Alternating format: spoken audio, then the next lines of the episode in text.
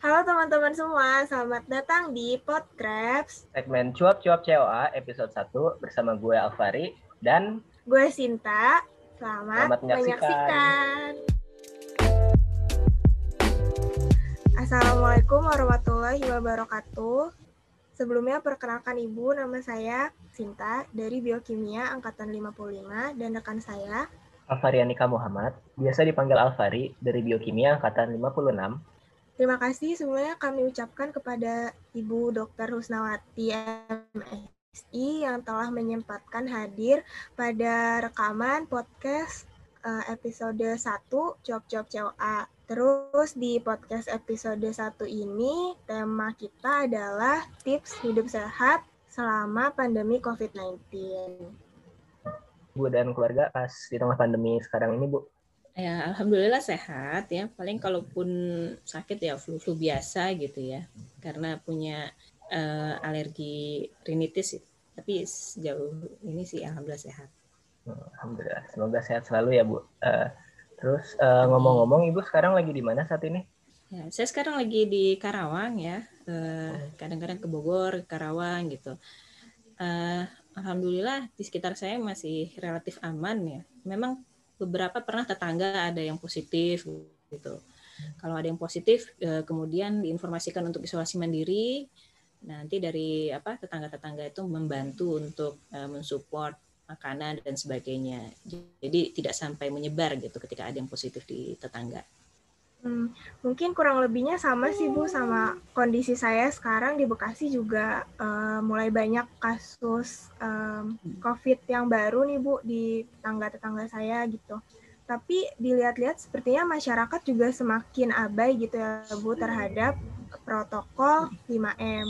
Nah, sebelum kita lanjut nih, protokol 5M itu apa sih Alvari? Jadi, protokol 5M adalah perilaku disiplin sebagai upaya menekan penyebaran virus COVID-19 eh, yaitu eh, yang pertama memakai masker, yang kedua mencuci tangan pakai sabun dan air mengalir, yang ketiga menjaga jarak, eh, yang keempat menjauhi kerumunan, yang terakhir membatasi mobilisasi dan interaksi gitu kak. Nah, benar banget nih Alvari. Kalau menurut Ibu nih, kenapa sih Bu masyarakat kok sepertinya malah abai terhadap protokol dan tidak mempercayai adanya virus COVID-19 ini gitu Bu? Oke, jadi eh, ab- masalah abai di masyarakat itu kalau saya lihat eh, penyebabnya utama itu ada dua ya, Eh, tiga ding tiga. Yang pertama karena eh, ekonomi, alasan ekonomi itu paling Hmm. besar ya. Biasanya karena faktor ekonomi, kemudian beberapa orang ya, sebagian besar itu akhirnya mengendurkan gitu ya daripada nggak dapat penghasilan, ya, mereka mengundurkan protokolnya dengan alasan macam-macam. Tapi sebenarnya kita tidak meng, apa, protokol yang dibuat itu sebenarnya tidak menghalangi man- eh, manusia untuk melakukan aktivitas ekonomi. Ya, hanya mungkin sedikit membatasi gitu. Jadi misalnya yang tadinya bisa apa satu kafe itu bisa banyak gitu yang datang ya berkerumun. Nah kali ini harus dibatasi gitu jumlah pengunjungnya. eh, misalnya biasanya dalam satu ruangan ada 10 meja, ini yang bisa dimanfaatkan mungkin hanya lima meja gitu ya. Nah, yang seperti itu kadang membuat eh, pihak pengusaha gitu ya, eh, yang jualan dan sebagainya jadi terimbas ekonominya gitu. Kemudian eh, itu faktor yang pertama ekonomi. Kemudian faktor yang kedua adalah eh, provokasi ya. Jadi termakan oleh kan banyak ya broadcast, kemudian info-info yang menyatakan bahwa COVID itu konspirasi gitu. Jadi COVID Iya, betul eh, Bu. jadi jadi teori bahwa COVID itu konspirasi bukan hanya di Indonesia. Bahkan teman saya di Belanda juga bilang tidak hanya Indonesia yang abai bahwa warga di Belanda itu nggak mau pakai masker gitu. Teori konspirasi dan macam-macam seperti itu cepat sekali menyebar dan termakan gitu oleh beberapa orang. Biasanya baru kemudian sadar ketika saudaranya, keluarganya atau malah dirinya kena gitu kena COVID. Jadi baru sadar bahwa oh ya COVID itu beneran dan memang meng- mengerikan gitu. Masalahnya adalah dari sekian banyak yang kena COVID itu eh, rata-rata ya tingkat kefatalannya atau fatality rate-nya itu nggak nyampe 10%. Misalkan ada eh, 100 orang yang kena COVID gitu ya, paling yang parah-parah itu sepuluhan orang gitu ya. Jadi sisanya nggak terlalu parah, eh, karena merasa nggak terlalu parah, ah COVID ini kayak flu apa kayak virus flu biasa gitu. Ada yang OTG kan ya, ada yang cuman eh, apa mengalami anosmia aja jadi kehilangan indera penciuman gitu. Ada yang batuk-batuk pilek gitu ya. Jadi nggak sampai harus dirawat di rumah sakit. Kemudian yang ketiga faktor yang ketiga adalah uh, lelah ya. Karena sudah lebih hampir setahun ya kita meng, menghadapi covid ini. Di Indonesia kan kita baru mulai hebohnya di Maret ya di bulan Maret 2020 hampir setahun. Jadi sudah apa ya saya sudah lelah gitu. Sebenarnya 5M itu eh, nggak terlalu berat ya.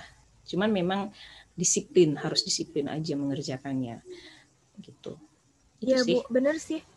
Uh, karena kalau saya lihat juga bu pernah nih ada kan saya pernah ke pasar gitu kan bu. Terus malah kan ngelihat pedagangnya tuh banyak yang nggak menggunakan masker gitu. Terus kalau saya tanyain ke pedagang-pedagang di pasar tuh pasti jawabannya kayak, oh kalau kita mah berserah diri aja sama Allah gitu bu. Jadi kayak kok malah uh, konsep berserah dirinya tuh aneh gitu menurut saya gitu ya bu. Terus juga uh, malah ada sempat konspirasi gitu bu yang bilang katanya oh COVID-19 tuh virusnya cuma menyerang orang-orang kaya aja gitu katanya. Karena hmm. kalau kita mah nggak bakalan kena gitu. jadi mulai makin aneh-aneh gitu bu. Iya, jadi uh, berita saya juga beberapa kali ngisi apa uh, kemarin sempat di awal Februari ngisi uh, materi untuk KKN gitu ya. Kemudian juga sempat bulan-bulan uh, lalu juga. Mesti masalah yang utama di di ini kan adalah gimana nih supaya masyarakat nggak abai. Saya sendiri kalau keluar rumah gitu, misalnya hmm. harus belanja atau apa, eh, ngelihat yang berkerumun atau yang naik motor atau yang jalan-jalan nggak pakai masker itu suka, ih, gitu kesel. Risih gitu ya. Bu. Cuman, uh, uh, kesel gitu, gemes gitu ya. Cuman eh, ya, iya namanya tiap orang kan yang penting usaha ya. Eh, kalau saya sih, saya nggak bisa merintah, hai hai kalian hai hai gitu ya. Karena saya memang nggak punya wewenang untuk memaksa orang untuk memakai uh, masker dan sebagainya. Tapi uh, saya selalu mengingatkan bahwa kita yang punya peran untuk mengedukasi itu jangan jangan sampai bosan untuk mengedukasi gitu ya, menyampaikan. Edukasi itu kan uh, prinsipnya itu mengingatkan dan menyampaikan.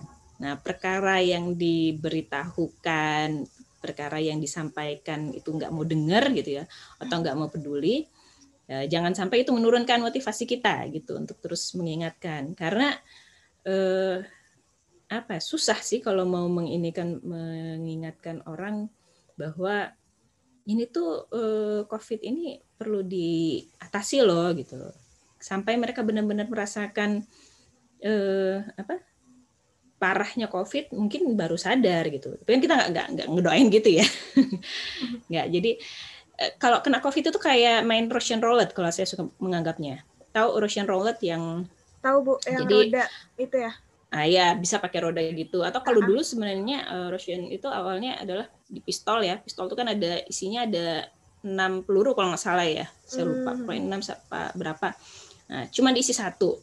Diputer, kalau diceklek pas nggak dapat pelurunya aman. Tapi kalau pas diceklek ada pelurunya udah tewas kan. Covid juga seperti itu karena dari sekian uh, kita nggak tahu kita bakal dapatnya yang mana gitu kan. Ketika ibaratnya tuh ada peluru, sorry ada pistol dengan uh, 10 peluru gitu ya.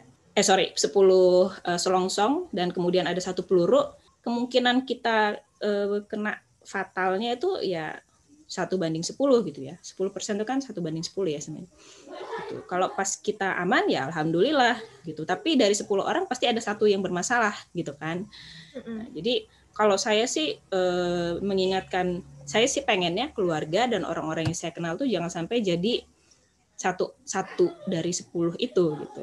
Karena kalau sudah harus dirawat masuk ICU kalaupun selamat ya maksudnya apa survive dari ICU bisa keluar kemudian resiko yang terjadi pada tubuhnya yang hampir rusak karena virus COVID itu cukup berat. Jadi menurut penelitian eh, orang-orang yang sudah pernah masuk ICU karena COVID-nya parah mempengaruhi paru, fungsi parunya itu tidak terlalu maksimal lagi gitu, tidak terlalu optimal.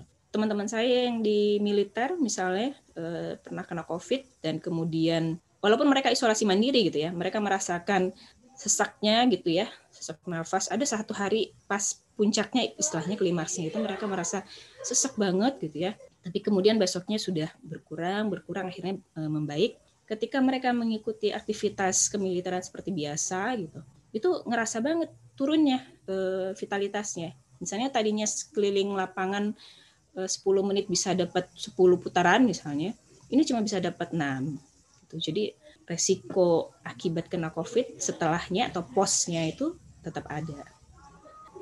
Berarti emang sebenarnya tuh uh, secara faktanya gitu ya Bu, COVID-19 itu uh, memang cukup menyeramkan juga gitu ya Bu ya. Kan kalau kena juga ternyata mempengaruhi vitalitas tubuh kita juga gitu setelah kita sembuh gitu. Jadi nggak otomatis sembuh gitu.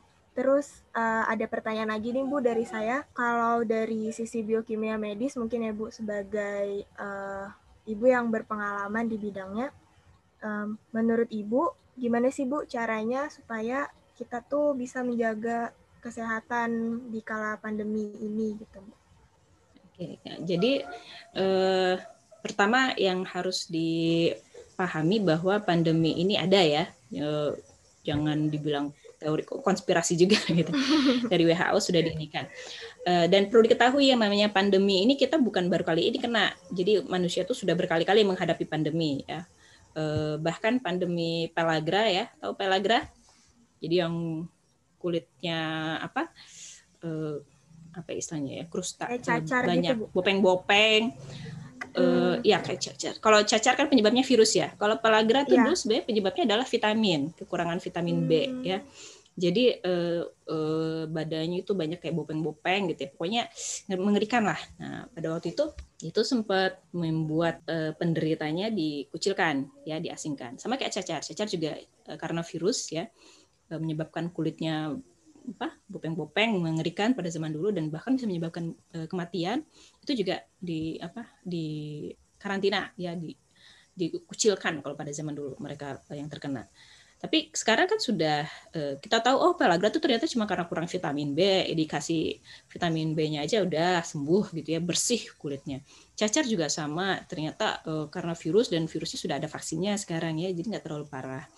Jadi uh, ini juga COVID ini juga insya Allah sih kita akan lalui setelah itu mungkin 10 tahun lagi kita akan menganggap ini sama seperti cacar gitu ya. Jadi apa yang penting bersabar saja di masa pandemi ini. Nah, yang perlu dilakukan apa selama masa pandemi?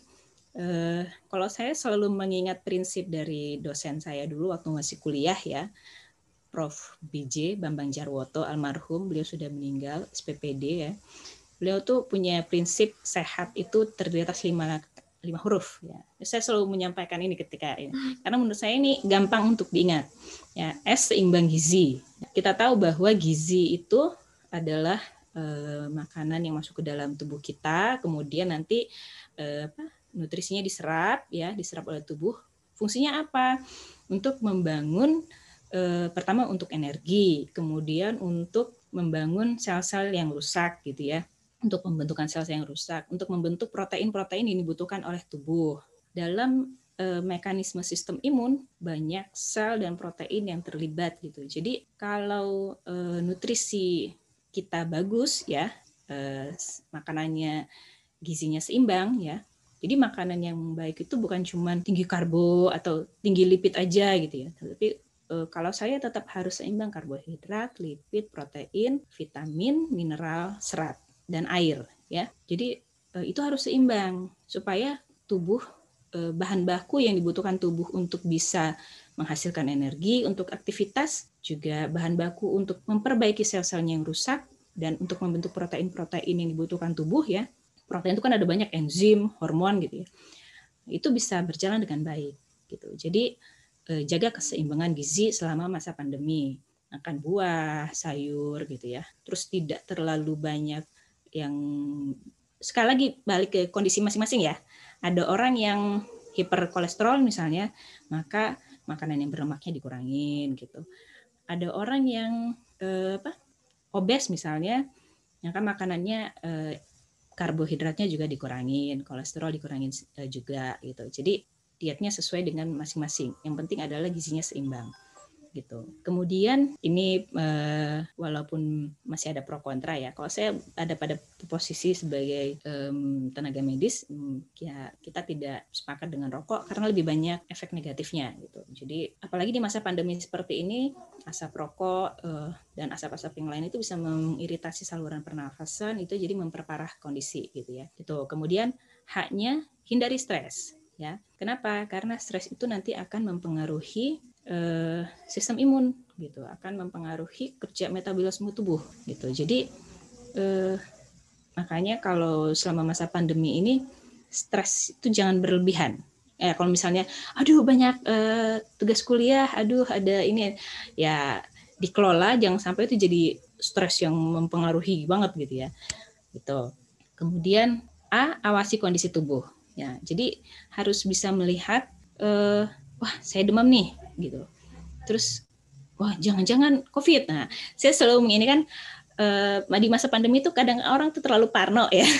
saya sering dapat konsulan, uh, dok saya uh, udah demam dari kemarin gitu, batuk pilek, terus gimana nih? Jangan-jangan kena COVID gitu ya. Nah, kalau saya sih uh, menginikan cek dulu, uh, ini uh, kita bisa ngerasain kok. Ini uh, demamnya kayak biasa atau agak beda gitu ya. Uh, yang penting adalah demamnya bisa dikontrol tidak. Artinya apa? Ketika kita minum obat penurun panas ya, penurun panas kan paracetamol dan sebagainya bisa didapat di mart-mart ya di warung juga ada. Turun nggak? Kemudian kalau setelah turun dia balik lagi nggak? Ya. Terus uh, lihat hari ini, besok ini nggak uh, ada perbaikan nggak gitu. Kalau ada perbaikan, insya Allah sih uh, flu biasa ya. Karena biasanya kalau flu biasa itu dua tiga hari sudah sudah membaik. Dan kemudian eh, lihat juga kita ada riwayat kontak dengan yang positif nggak? Kalau nggak ada riwayat kontak ya jangan langsung parno kena covid gitu. Gitu. Jadi awasi kondisi sendiri. Eh, kalau ada yang punya diabetes ada yang punya hipertensi ya ada yang punya eh, kolesterolnya tinggi hiperkolesterol itu di ini harus eh, apa bisa mengontrol ya biasanya kalau bisa punya alat untuk cek sendiri. Kalau enggak, ya nggak apa-apa, sempatkan ya tiga bulan, enam bulan sekali untuk cek ke klinik terdekat atau puskesmas gitu. Kuatir ini, kuatir ketularan. Kalau ke puskesmas gitu ya yang penting itu ketika keluar harus ke puskesmas terpaksa gitu ya, ya jaga itu, jaga protokol, usahakan agak menjaga jarak dengan pasien yang lain, pakai masker. Nanti pulang dari sana, pulang dari puskesmas yang harus dilakukan eh, pakaiannya kalau saran saya sih ya langsung aja direndam di cucian apa eh, ember yang sudah ada deterjennya gitu. Jadi kalaupun nggak kena ke kita gitu ya, tapi ya, direndam dulu aja di ember di ini di hmm. deterjen ya karena kalau eh, virus kena air yang deterjen gitu ya itu dia eh, insya Allah akan mati gitu. Jadi itu nanti setelah setelah kamu cuci tangan kamu udah beres dan sebagainya mau langsung dicuci ya silahkan gitu ya Ya, yang penting kita mematikan virusnya dulu. Kemudian itu setelah awasi kondisi tubuh, yang terakhir adalah T. Ini yang kadang susah nih, teratur olahraga. Ya, olahraga penting karena eh, olahraga itu menaikkan apa eh, denyut jantung, ya, sehingga kemudian ketika denyut jantungnya naik dengan teratur, ya. Nah, olahraga itu bedanya dengan kerja ya kan ada yang bilang ah saya udah ngepel saya udah nyapu gitu ya uh, itu udah olahraga uh, agak beda karena yang namanya olahraga itu gerakannya teratur sehingga denyut jantungnya itu nanti naik dengan teratur juga. Tujuannya apa? Supaya uh, aliran darahnya jadi lancar gitu, dipompa oleh denyut jantungnya yang teratur itu aliran darah jadi lancar gitu sih. Kalau aliran darahnya lancar, metabolisme akan berjalan dengan baik. Kalau sistem imun dibutuhkan di bagian-bagian tubuh, itu juga akan bisa dihantarkan dengan baik. Uh, ingat bahwa aliran darah itu kayak jalan yang di dalamnya itu ada sel-sel darah yang mengantarkan nutrisi. Fungsinya mengantarkan nutrisi, mengantarkan oksigen, mengantarkan zat-zat yang dibutuhkan tubuh untuk perbaikan. Jadi kalau dia bisa berjalan dengan lancar, maka uh, tubuh juga akan jadi lebih sehat. Gitu. Mungkin sederhananya itu ya. Oh iya. Uh, dan juga gini ya Bu, kan uh, usaha dari luarnya bisa salah satu dengan vaksin ya Bu, yang sekarang ini lagi rame gitu. Terus uh, saya baca-baca banyak orang yang uh, agak skeptis sama vaksin dan lebih memilih uh, menggunakan herbal sebagai penggantinya. Padahal kan uh, vaksin dan herbal itu nggak bisa saling menggantikan gitu ya Bu. Kalau menurut Ibu uh, bagaimana cara menyikapinya? Oke, jadi harus dipahami dulu vaksin itu apa ya, herbal itu apa. Vaksin itu adalah proses uh, yang dilakukan untuk meningkatkan sistem imun dengan cara memasukkan sel eh, uh, virus ya baik itu yang sudah dimatikan atau dilemahkan ya eh, atau proteinnya.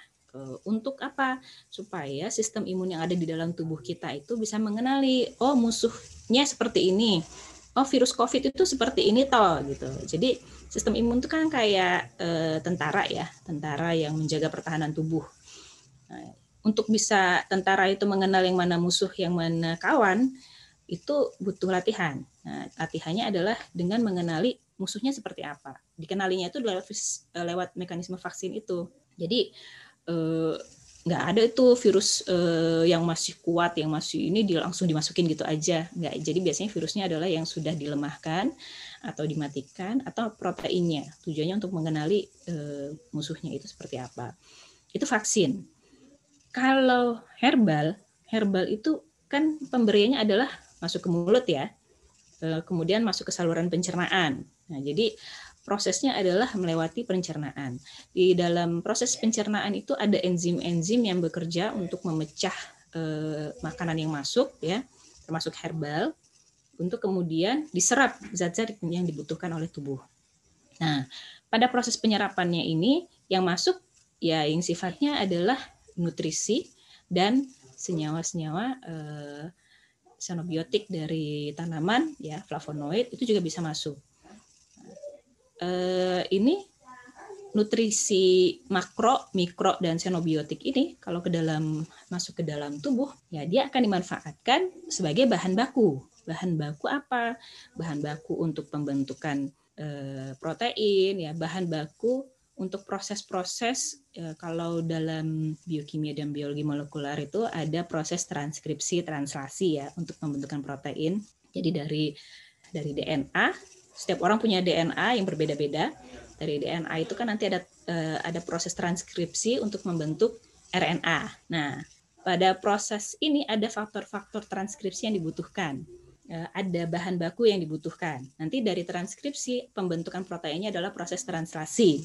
Eh, itu juga butuh bahan baku, butuh faktor-faktor yang dibutuhkan untuk bisa berjalan dengan baik. Jadi ada asam amino yang dibutuhkan gitu. Kemudian ada senyawa-senyawa lipid eh, seperti kolesterol itu juga dibutuhkan gitu. Kemudian flavonoid itu juga berperan dalam faktor transkripsi. Jadi eh, itu perannya sebagai bahan baku. Jadi akan berbeda dengan vaksinasi yang tujuannya melatih sistem imun bekerja dengan herbal yang fungsinya sebagai bahan baku. Ibaratnya tuh kayak kalau herbal tuh kayak kayak apa ya? Ya kayak kalau kita minum suplemen gitu ya. E, jadi sesuatu yang masuk ke dalam pencernaan diserap dan sebagainya itu bahan baku gitu. Jadi kalau ada yang menyamakan e, tidak tepat gitu. Cuma memang perlu dipahami bahwa e, penolakan terhadap vaksin ini tidak hanya pada COVID sejak dulu itu memang ada orang-orang yang anti terhadap vaksin. Karena apa? Karena vaksin itu punya efek samping eh, istilahnya KIPI, kejadian ikutan pasca pasca imunisasi. Kalau di Indonesia istilahnya KIPI ya. Jadi kalau ada, ada anaknya yang divaksin kemudian eh, demam gitu, bahkan ada yang sampai meninggal, ya itu menyalahkan vaksinnya.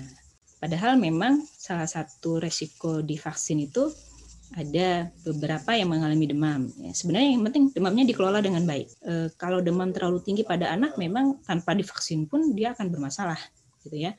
Jadi e, yang penting efek-efek yang muncul setelah vaksin itu harus bisa dikelola dengan baik, gitu. Jadi uh, emang sama-sama penting juga sih ya bu vaksin sama herbal. Jadi uh, penonton podcast ini kan udah tahu ya uh, pentingnya herbal sama pentingnya vaksin juga. Terus berikutnya ada ini Bu beberapa pertanyaan yang masuk dari teman-teman Krebs uh, terkait uh, COVID ini. Uh, buat pertanyaan pertama, itu tentang hewan peliharaan Bu. Uh, jadi kan kalau di rumah stres juga suka main sama hewan peliharaan gitu ya Bu. Nah, kira-kira kalau hewan peliharaan itu bisa nularin atau bisa membawa virus uh, COVID ini nggak sih Bu? Ya, uh, terkait ini ya, pernah memang ada artikel yang menuliskan bahwa ada uh, beberapa hewan ya, uh, kucing atau anjing yang terkena COVID. Tapi uh, itu baru satu artikel yang saya lihat dan belum didukung oleh info yang lainnya. Uh, hanya yang jelas gini, ketika hewan peliharaan kita keluar gitu ya, keluar ya hewan peliharaannya kan nggak kalau misalnya bisa di dalam rumah aja sih insya Allah aman-aman aja nggak akan nggak akan menyebabkan penularan tapi ketika dia keluar gitu ya, misalnya punya kucing anjing gitu ya jalan-jalan keluar gitu kemudian ketika di luar itu dia ketemu dengan orang yang positif COVID misalnya dan tidak pakai masker dan batuk-batuk di, de di dekat si anjing atau si kucing itu, kemudian dropletnya kan bisa menempel ke bulu anjing atau kucing itu. Nah, jadi ketika uh, hewan peliharaan itu masuk ke dalam rumah, sebenarnya itu statusnya sama seperti kita menghadapi eh, bahan, barang, paket atau benda atau apa-apa dari luar gitu ya yang masuk ke dalam rumah. Harusnya kita lakukan apa? Eh, kalau dia masuk kemudian kita eh, mandikan gitu ya atau kita bersihkan supaya kotoran atau droplet yang mungkin menempel ke tubuhnya itu bisa bersih, insya Allah aman. Tapi kalau begitu dia pulang terus langsung dipeluk, ya kita bisa tertular gitu. Karena ya, kita nggak tahu kan dropletnya uh, dia dapat droplet nggak atau gimana gitu.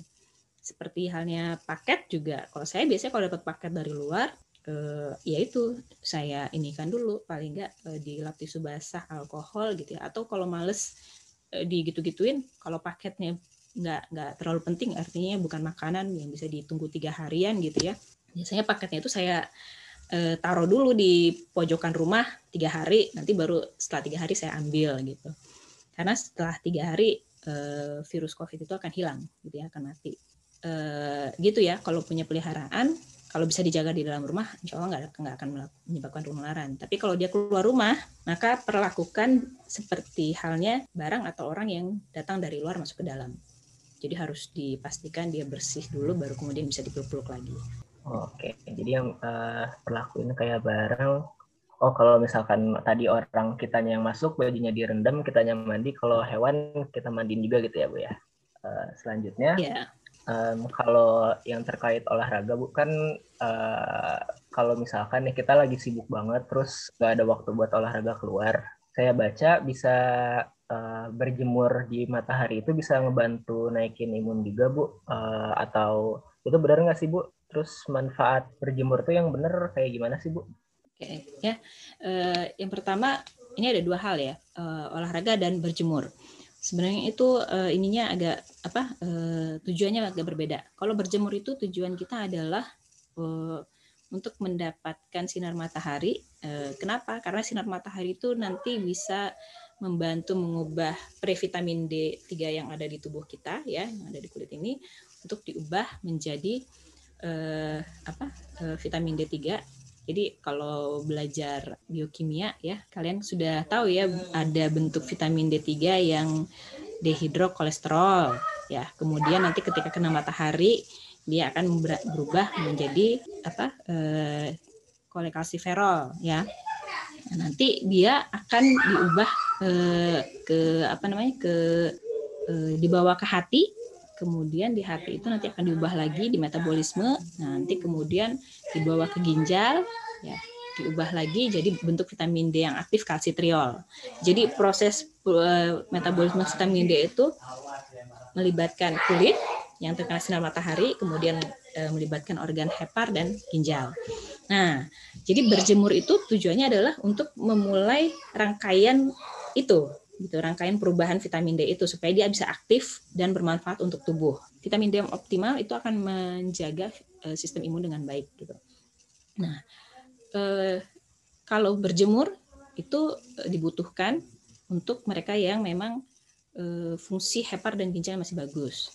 Tapi ada beberapa kasus di mana punya masalah dengan fungsi ginjal, biasanya seperti itu tidak cukup tidak bisa berjemur gitu. Dia butuh yang sudah jadinya suplemen kalsitriol ya. Jadi orang-orang yang seperti ini nggak berjemur nggak masalah karena itu tadi apa kalau berjemur toh fungsi ginjal tidak bisa berfungsi dengan sempurna, maka tidak akan bisa diselesaikan proses metabolismenya. E, itu pentingnya berjemur untuk tubuh kita supaya vitamin D-nya bisa aktif. Kalau olahraga, olahraga itu tadi saya sampaikan tujuannya adalah untuk menjaga fungsi jantung dengan tetap baik gitu ya, terus untuk meningkatkan secara teratur denyutnya supaya aliran darahnya lancar olahraga tidak hanya harus dilakukan di luar ruangan ya.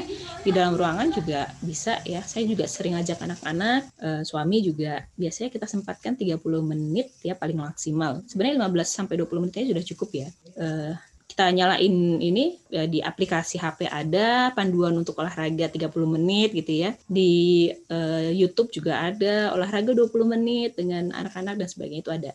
Jadi sebenarnya nggak ada alasan untuk tidak olahraga. Biasanya lebih karena faktor eh, kemauan aja. Saya selalu mengatakan ke anak-anak kita tuh punya tiga hal yang mempengaruhi eh, apa keputusan kita untuk aktivitas: kemauan, kemampuan, dan kesempatan.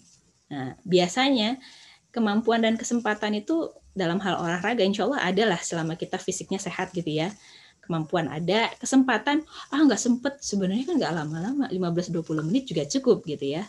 E, jadi sempet lah sebenarnya. Kalaupun nggak sempet di pagi hari, bisa di sore hari atau di malam hari gitu. Hmm, iya benar. Habis ini saya mau ikutin saran ibu terolahraga di rumah aja. Oh ya, terus bu, uh, kalau yang masalah berjemur ya melanjutin masalah yang tadi uh, ada alternatif lain nggak sih Bu uh, yang bisa kita dapetin manfaatnya kayak berjemur tapi nggak pakai sinar matahari? Oke, okay. berjemur nggak pakai sinar matahari. ya, mungkin kalau punya alat ini ya, alat yang bisa mancarin UVB bisa ya. Uh, cuma gini, yang perlu dipahami adalah bahwa tujuan berjemur di bawah sinar matahari kan tadi ya supaya vitamin D-nya aktif.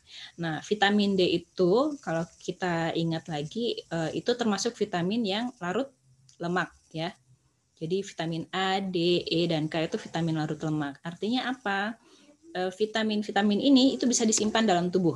Kalau vitamin larut air kan nggak bisa disimpan ya. Vitamin B dan C itu nggak bisa disimpan, maka memang konsumsinya harus bisa kalau bisa setiap hari gitu dengan jumlah yang e, tidak berlebihan. Nah, kalau vitamin A, D, E, dan K ini karena dia vitamin larut lemak, dia bisa disimpan. Artinya eh, tidak harus setiap hari kita melakukannya. Jadi misalnya seminggu dalam seminggu itu uh, saya lihat sih ada fase-fase di mana satu hari itu cukup cerah paginya. Nah, maka uh, kalau memang ada sempatkanlah keluar. Perlu diketahui UVB itu kalau di Indonesia ya itu dia akan mulai muncul setelah di atas jam 8 ya. Dan memang paling maksimal itu uh, apa frekuensinya itu adalah ketika uh, trik Nah, terkait hal ini eh, ada dulu tuh sempat beredar kan ya, moyan itu nah di matahari itu paling baik eh, di atas jam 10 sampai jam 15 kan waktu itu ada yang sempat seperti itu. Tapi kemudian ada yang meng, apa, membantah ya, jangan di atas jam 10 sampai jam 15 itu nggak bagus buat kulit. Nah, balik lagi ini fungsinya untuk apa? Kalau untuk orang-orang yang memang mengalami defisiensi atau kekurangan vitamin D banget gitu ya. Eh, dan memang menurut penelitian banyak orang-orang yang bekerja terutama wanita, wanita karir yang menggunakan hijab gitu ya. Karena perginya pagi, pulangnya e, sore gitu ya. Itu pun naik mobil atau kalaupun naik motor kan full cover gitu ya, pakai sarung tangan, pakai masker. Jadi memang paparannya kurang. Nah, orang-orang yang defisiensi itu berarti kan sangat membutuhkan e, vitamin D. 80% vitamin D untuk tubuh kita itu didapatnya itu dari bantuan sinar matahari. 20 persennya dari diet. Jadi 80 persen loh eh, butuh sinar matahari untuk bisa mengaktifkan previtamin D yang ada di dalam tubuh kita. Jadi kalau seperti itu sempatkan, walau kalau bisa eh, misalnya di atas jam 10 baru bisa ada sinar mataharinya, wah udah terik nih, nanti kulitnya rusak kalau di atas jam 10. Gak usah lama-lama, 15 menit aja maksimal, cukup itu untuk mengaktifkan vitamin D-nya. Kalau misalnya di bawah jam 10, di bawah jam antara jam 8.30 sampai jam 10 misalnya mataharinya ada, Nah itu boleh agak lamaan karena e, intensitasnya nggak terlalu mengganggu apa merusak kulit. Jadi kalau misalnya munculnya di atas jam 12 ya ya nggak apa-apa gitu. Keluar aja tapi jangan lama-lama 10 menit gitu ya udah. Intinya itu kita kulit kita itu bisa ngerasain kalau terlalu terlalu panas gitu ya sunburn itu nah itu e, nggak baik. Jadi gak usah lama-lama. Kalau ini e, seminggu sekali atau dua kali sudah cukup nggak apa-apa Gitu. Jadi yang penting adalah usaha kita untuk mengaktifkan vitamin D3 itu ketika ada sinar mataharinya. Wah, padahal saya udah niat setahun diem di kamar bu biar putih, tapi ternyata bahaya juga ya. um, kalau dilihat-lihat um, bahasan kita sebenarnya masih banyak ya bu, seru-seru banget padahal. Tapi sayangnya waktunya udah mau habis. Uh, jadi mungkin sebelum kita berpisah, boleh minta closing statement dulu uh, dari Ibu buat para pendengar podcast ini. Ya, uh, buat para pendengar podcast ya, uh, selama masa pandemi ini ya kita harus belajar untuk bersabar ya, bersabar apa? Bersabar untuk menyesuaikan diri dengan perubahan. Yang tadinya nggak pakai masker ya usahakan pakai masker ketika keluar gitu. Kenapa? Karena melindungi diri kita dan melindungi orang lain gitu ya. Dan nantinya akan melindungi keluarga kita. Kalau kita aman, ya insya Allah keluarga kita juga aman. Kalau kitanya nggak bisa menjaga keamanan diri sendiri, ya nanti kalau keluarga kita kenapa-napa karena kita, kita yang akan menyesal gitu ya. Jadi eh, usaha ya ikhtiar maksimal untuk menjaga diri dengan mengikuti protokol 5M kalau untuk eh, apa memakai masker, mencuci tangan sudah bisa dilakukan, maka yang kemudian agak sulit adalah biasanya menjaga jarak. Nah, sebenarnya menjaga jarak itu juga bisa kok ya. Yang penting adalah kadang-kadang kita harus berani untuk menegur, mengingatkan orang yang di dekat kita untuk menjaga jarak ya. Karena ini lagi pandemi. Ada kalau saya biasanya suka kalau ada tetangga dekat, maaf bu, eh, jaga jarak gitu ya. Nah, karena si ibu kan nggak tahu uh, saya positif atau enggak dan saya juga nggak tahu si ibu itu positif atau enggak banyak OTG di sekitar kita. Jadi uh, protokol 5M ya memakai masker mencuci tangan menjaga jarak hindari kerumunan ya dan mengurangi mobilisasi harapannya bisa kita terapkan. Uh, bersabar insya Allah ini akan selesai. Yang namanya pandemi itu pasti akan selesai. Hanya memang butuh waktu ya. Menurut sejarah ya 100 eh, tahun yang lalu kita mengalami pandemi flu Spanyol ya itu butuh waktu dua tahun untuk bisa selesai. Jadi ya semoga saja kalau kita semua bisa menjaga diri dengan baik, 2022 eh, nanti kita bisa menjalani kehidupan normal seperti biasa. Mungkin itu ya Berarti cukup lama juga ya Bu kalau melihat dari sejarah gitu ya. Dua tahun terus kita uh, mungkin ya memang terbiasanya tuh berkerumun gitu kayak ketemu teman-teman. Terus juga saya biasanya juga aktif di organisasi kuliah gitu ya Bu. Jadi tuh agak banyaknya lumayan stres juga gitu Bu di rumah terus gitu kan. Mungkin buat teman-teman semua uh, tadi beberapa uh, tips dari Bu Husna bisa diaplikasikan ke teman-teman. Terus harapannya juga uh, dengan adanya episode podcast pada hari ini teman-teman semua bisa lebih memahami COVID-19 itu seperti apa, terus lebih tahu lagi uh, faktanya itu seperti apa sih sebenarnya mengenai virus ini. Terus jangan juga malah jadi mempercayai berita-berita yang hoax atau uh, lebih mempercayai berita-berita yang belakangan ini kayak konspirasi gitu ya teman-teman. Uh, memang mungkin cukup menarik mendengar berita-berita itu, tapi sebenarnya faktanya itu beda gitu. Sesuai dari yang tadi udah kita obrolin juga. Um, mungkin begitu uh, segitu aja Bu dari kita walaupun banyak juga yang masih pengen kita tanyain tapi uh, banyak yang kita dapat juga dari ibu. Terima kasih banyak pada ibu Husna uh, eh, dari saya sendiri Sinta dan rekan saya. Alfari kami pamit undur diri. Wassalamualaikum warahmatullahi wabarakatuh. Jangan lupa untuk uh, terus ikutin episode podcast yang selanjutnya. Dadah teman-teman. Thank you.